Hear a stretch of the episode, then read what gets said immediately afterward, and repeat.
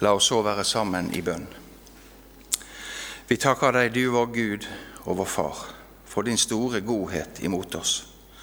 Takk at vi nok en gang får samles her som ditt folk for å høre ditt ord. Du er den vi kan sette vår lit til, og som gir nåde ny hver dag. La ditt ord gjøre sin gjerning i våre kalde hjerter. Amen. Denne søndagens evangelietekst leser vi hos evangelisten Markus ifra det første kapittelet.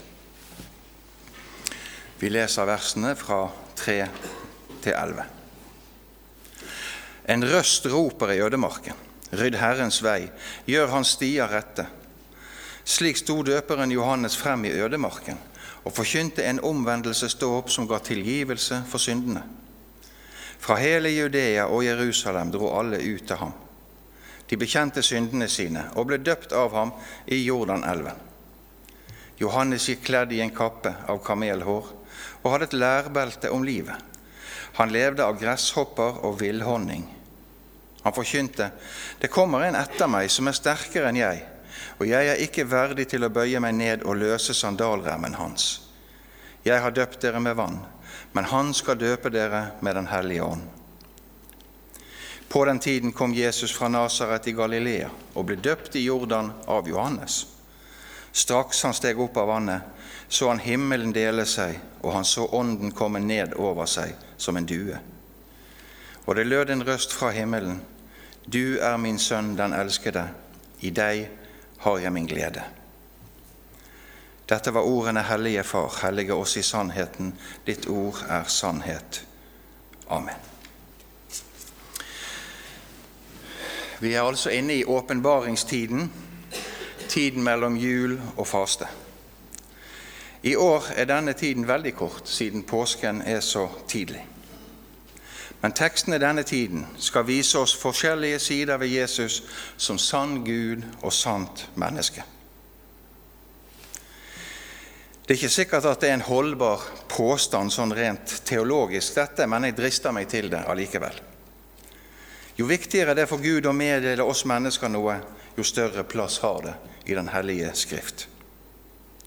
Jesu fødsel, f.eks., omtalt i tre av evangeliene på litt forskjellig måte. Hans død er beskrevet i alle evangelier, likeså hans oppstandelse.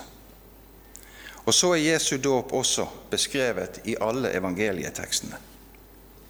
Det ligger Gud antagelig på hjertet å fortelle oss at dette skjer når det skjer, og hvorfor det skjer. Jesu dåp er jo dette punkt der han starter sitt offentlige virke, og som pågår i tre og et halvt år. Det er vel den vanlige måten å regne det på. Og Johannes døper altså mennesker. Dåpen har et forbilde i den jødiske tro. Det vil si at jødene hadde sitt renselsesbad i sine mikver der de ble renset fra sine synder før de skulle til de forskjellige religiøse seremonier. Vann brukes i mange religioner for å rense mennesker fra urenheter. Dette som en parentes. Vi ser i teksten vår at mennesker ble ved Johannesdåpen omvendt og fikk tilgivelse for sine synder. En toller kunne komme og bekjenne sine synder. De var kjent for å kunne ta for mye penger av folk og stikke det i egen lomme. Dette kunne tolleren bekjenne for Johannes, og så ble det tilgitt ham ved dåpen. En fariseer kunne komme og bekjenne at han ikke var så from som han ville fremstå, og bekjenne dette. Så ble det tilgitt. Forskjellige mennesker med forskjellige synder kom og ble døpt på sin syndsbekjennelse. Og Johannes må ha hatt mye å gjøre lange arbeidsdager, for alle kom til ham, står det. Helt fra Jerusalem kom de, så det må ha vært folksomt der ved Jordanelven. Så mange var det som kom til denne Johannesdåpen, at de skriftlærde kom også helt fra Jerusalem. De ville vite hvem Johannes døperen egentlig var. Men ikke er han Messias, og ikke er jeg Elias, sier han. Og det er stort sett det de får vite. Jeg er kun et siv som vaier i vinden, sier han. Plutselig så står Jesus der. Han vil døpes av Johannes. Jesus vil ha denne dåp som synderne får. Han står sammen med syndere i køen frem til døperen og vil ha denne dåp. Det kan da umulig stemme. Matteus forteller i det tredje kapittelet hva som skjer når Jesus kommer frem til Johannes. Han nekter ham det, står det. En setning som vi fort kan gå forbi, men jeg tror vi gjør klokt i å dvele litt ved det. Johannes nekter altså å døpe Jesus. Dette kommer ikke på tale, Jesus. Dette er galt. Det er jo syndere jeg døper. Syndere som bekjenner sin synd. Slikt kan han ha sagt. Mennesker kommer jo hit og forteller om onde og fæle ting de har gjort. Om løgner, overgrep, trusler, tyverier og alt annet forferdelig som mennesker kan få seg til å gjøre. Jeg døper dem og håper at de lever et bedre liv etter dette. Og så kommer du. Jesus opplevde flere avvisninger gjennom de årene som nå ligger foran. Når han vil gjøre de største gjerninger for oss, så kommer det protester. Dette må ikke skje deg, sier Peter når Jesus forteller om sin død. Og jammen nekter ikke Peter å ta imot fotvask av Frelseren òg. Det er med Peter som folk flest. Vi har vanskelig for å se hva som er Guds vilje med oss og for oss. Hvilke synder har du, Jesus, å bekjenne? Jeg bør jo døpes av deg, sier Johannes. Vel vitende at Johannes selv har synder å bekjenne. Slik kan vi tenke oss at samtalen har vært mellom dem. Men Jesus svarer, la det nå skje. Nå. Nå er tiden inne. Det er ikke for tidlig, det er ikke for sent. Dette er det tidspunkt Faderen i sitt frelsesråd har fastsatt. La det nå skje. Og hva skal skje? Jo, all rettferdighet skal på denne måten skje, sier Jesus. Og så døper Johannes Jesus. All rettferdighet skal skje. Det er ikke lite, det. All rettferdighet. Det betyr min og din rettferdighet. Og det er et stort takkeemne for hver den som bekjenner seg til Jesu navnet. Et bilde som jeg har gått med i tanken en stund, er som følger. Mennesker kommer altså for å døpes. De vasker så å si av seg den urenhet som de bærer med seg ned i vannet. Billedlig talt så vaskes de rene. Vannet blir skittent, og synderne blir rene. Jo flere som kommer, jo skitnere blir vannet. Og så kommer han som er helt uten synd, Jesus. Når han stiger ut i vannet, så er det jo helt motsatt. Han henter ut denne skiten av vannet. Han tar med seg syndene ut av vannet, han som er den syndfrie. Han renser vannet, og så blir han gjort til synd for oss. Han trer inn i vårt sted idet han tar all verdens synd på seg. Derfor kan Johannes peke på Jesus og si, Se det Guds lam som bærer verdens synd. Jesus bærer synden. Han bærer den frem til Golgata, der han soner den. All verdens synd, i fortid, nåtid og fremtid. Vi kan ikke gjøre annet enn dette og takke. Ingenting kan vi bidra med. Alt er fullbrakt av Jesus. Vi kan bare si takk, Jesus. Han bar våre synder på seg. På sin syndfrie og plettfrie person var han villig til å ta vår plass. Og dermed er vi rettferdige. Vi har fått hans rettferdighet, for han tok vår urettferdighet. Det er dette Luther kaller det salige byttet og en fremmed rettferdighet. Og det er helt og holdent gratis for den som tar imot. Det er nåde over nåde. Denne personen, Johannes døperen, er på mange måter en interessant person som vi nok kan lære mye av. Han er veldig ydmyk i sin omtale av seg selv. Og så er han tydelig i møte med syndere som ikke vil omvende seg. Både fariseere og kong Herodes fikk høre sannheten om seg selv og sin synd. En frimodighet som er sjelden i dag. Synd, påtales sjeldent og aldri i offentlighet. Det er frihet til å leve som man vil, som råder grunnen i dag. Og begrepet synd er nesten fjernet fra språket vårt. Men når Johannes vurderer seg selv og sin tjeneste opp mot Jesus, så er han ydmyk og forsiktig. Han vet tydeligvis hvem han har med å gjøre. Johannes' tjeneste er forutsagt av Jesaja i kapittel 40. Døperen Johannes er denne røst i ødemarken som roper:" Jevn ut veiene for Herren. En profetrøst inn i denne viktige tid for jødene. Kongeveier finnes mange steder i verden, også i Norge. De skulle være rette og slette, slik at kongen kunne reise frem uten strev, vansker og motstand. Bildet som her brukes, må bety ta vel imot ham, hør ham og tro ham. Slik oppfordrer Johannes folket til å holde seg til Jesus. Vi vet hvordan det gikk. Folket avviste ham. De ville heller ha en forbryter, Barabbas, enn Jesus. Johannes blir spurt om han er Elias. Profeten, profetien hos profeten Malakias lyder jo slik.: Se, jeg sender profeten Elia til dere før Herrens dag kommer, den store og skremmende.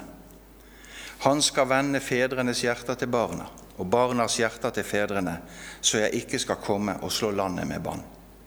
Dette er de siste ordene i Det gamle testamentet. Men Johannes bruker ikke store ord om sin tjeneste. Han fremhever ikke seg selv og faller aldri for fristelsen å skulle sole seg i glansen av Jesus. Jeg er ikke verdig til å knyte sandalreimen hans, ei heller bære sandalene hans, sier han.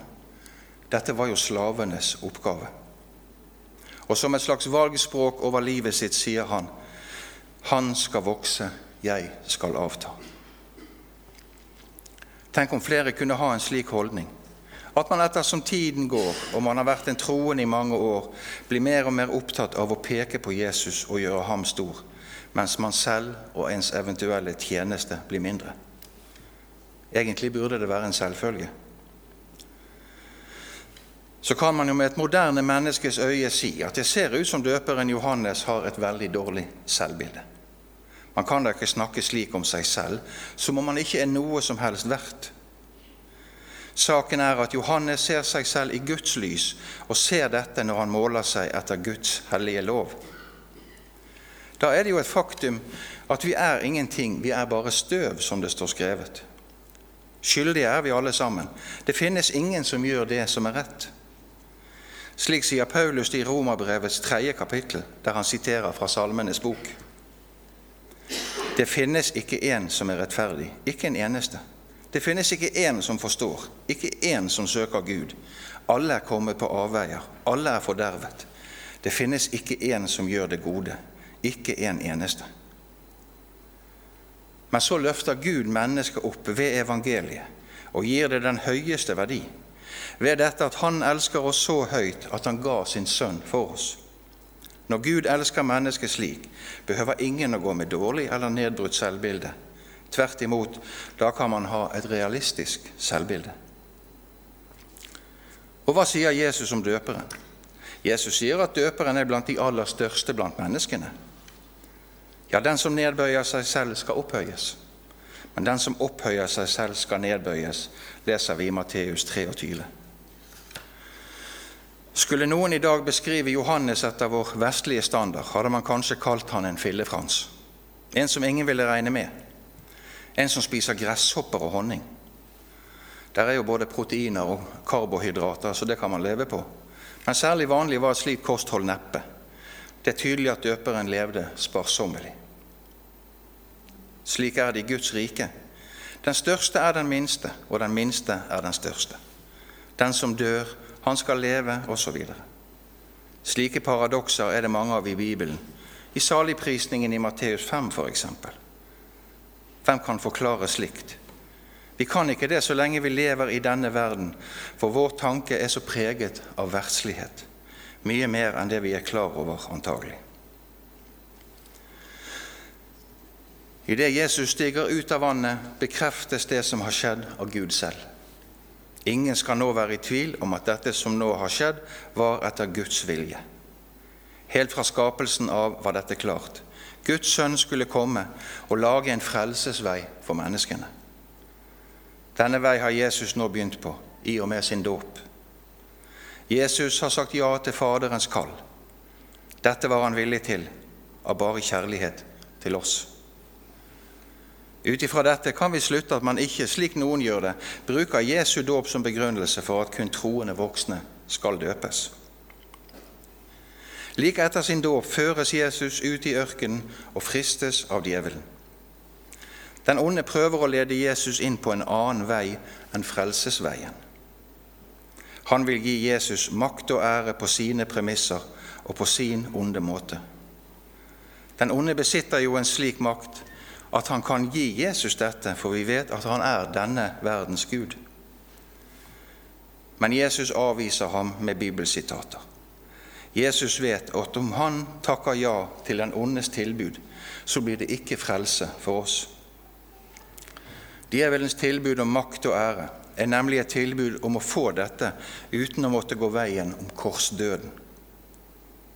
Jesus kunne fått makt og ære uten å måtte gå lidelsens vei, uten å bli spottet, foraktet, hatet og latterliggjort, og til slutt dø av utmattelse og blodtap. Hvem hadde ikke vurdert et slikt tilbud seriøst? Ikke Jesus, for han var veien til Gålgata, den eneste veien. Og om vi ser dette i et rett lys, som vi kanskje kan gjøre i korte glimt, så fylles hjertet av takk og lovsang. Hva skjer så med døperen Johannes? Han har fullført sin tjeneste og sitter fengslet hos Herodes etter å ha ropt ut Herodes synd siden han giftet seg med sin brors kone. Det koster å stå for sannheten, noen ganger og noen steder mer enn de gjør her i Norge. Og Johannes ser ut til å rammes av tvil der han sitter fengslet. Selv om han hørte Guds stemme ved dåpshandlingen, så tviler han. Tvilen bringes til Jesus av Johannes' disipler. Er du den som skal komme, Jesus, eller skal vi vente en annen? Jesus kommer med det trøstefulle budskap til Johannes. Lamme går, blinde ser, og evangeliet forkynnes for fattige. Evangeliet, de gode nyhetene forkynnes. Du kan trygt tro på meg, Johannes, sier Jesus. Det er meg. Det kommer ingen annen. Og det kan vi òg trygt gjøre. Tro på Jesus, for det kommer ingen annen. Så blir Johannes død av det bisarre og groteske slaget. Han blir halshugget. Hodet bæres frem på en fest som et underholdningsinnslag. Og Så begynner Jesus sin offentlige gjerning. Han samler tolv disipler, alle menn, rundt seg. Ikke de viktige og sentrale samfunnsaktører eller religiøse ledere, men vanlige mennesker, syndere. Og de får se og høre ting som ingen før dem har fått se og høre. Jesus helbreder de som er uhelbredelige. Han bringer stinkende lik tilbake til livet, og han stiller stormen, går på vannet, og til sist beseirer han døden, den siste fiende. Og dette budskap om Jesus får vi del i. En alminnelig søndag i Bergen by i 2024 får vi høre, tro og bekjenne at Jesus er den han sier seg å være. Sann Gud og sant menneske. En frelser som vi en gang skal få møte. Synd, sykdom, lidelse, krig og elendighet er borte. Foran ligger evig glede hjemme hos Gud. Dette er løftet fra den allmektige til oss syndige mennesker. Ære være Faderen og Sønnen og Den hellige ånd, som var, er og være skal, en sann Gud, høylovet i evighet. Amen. Da synger vi på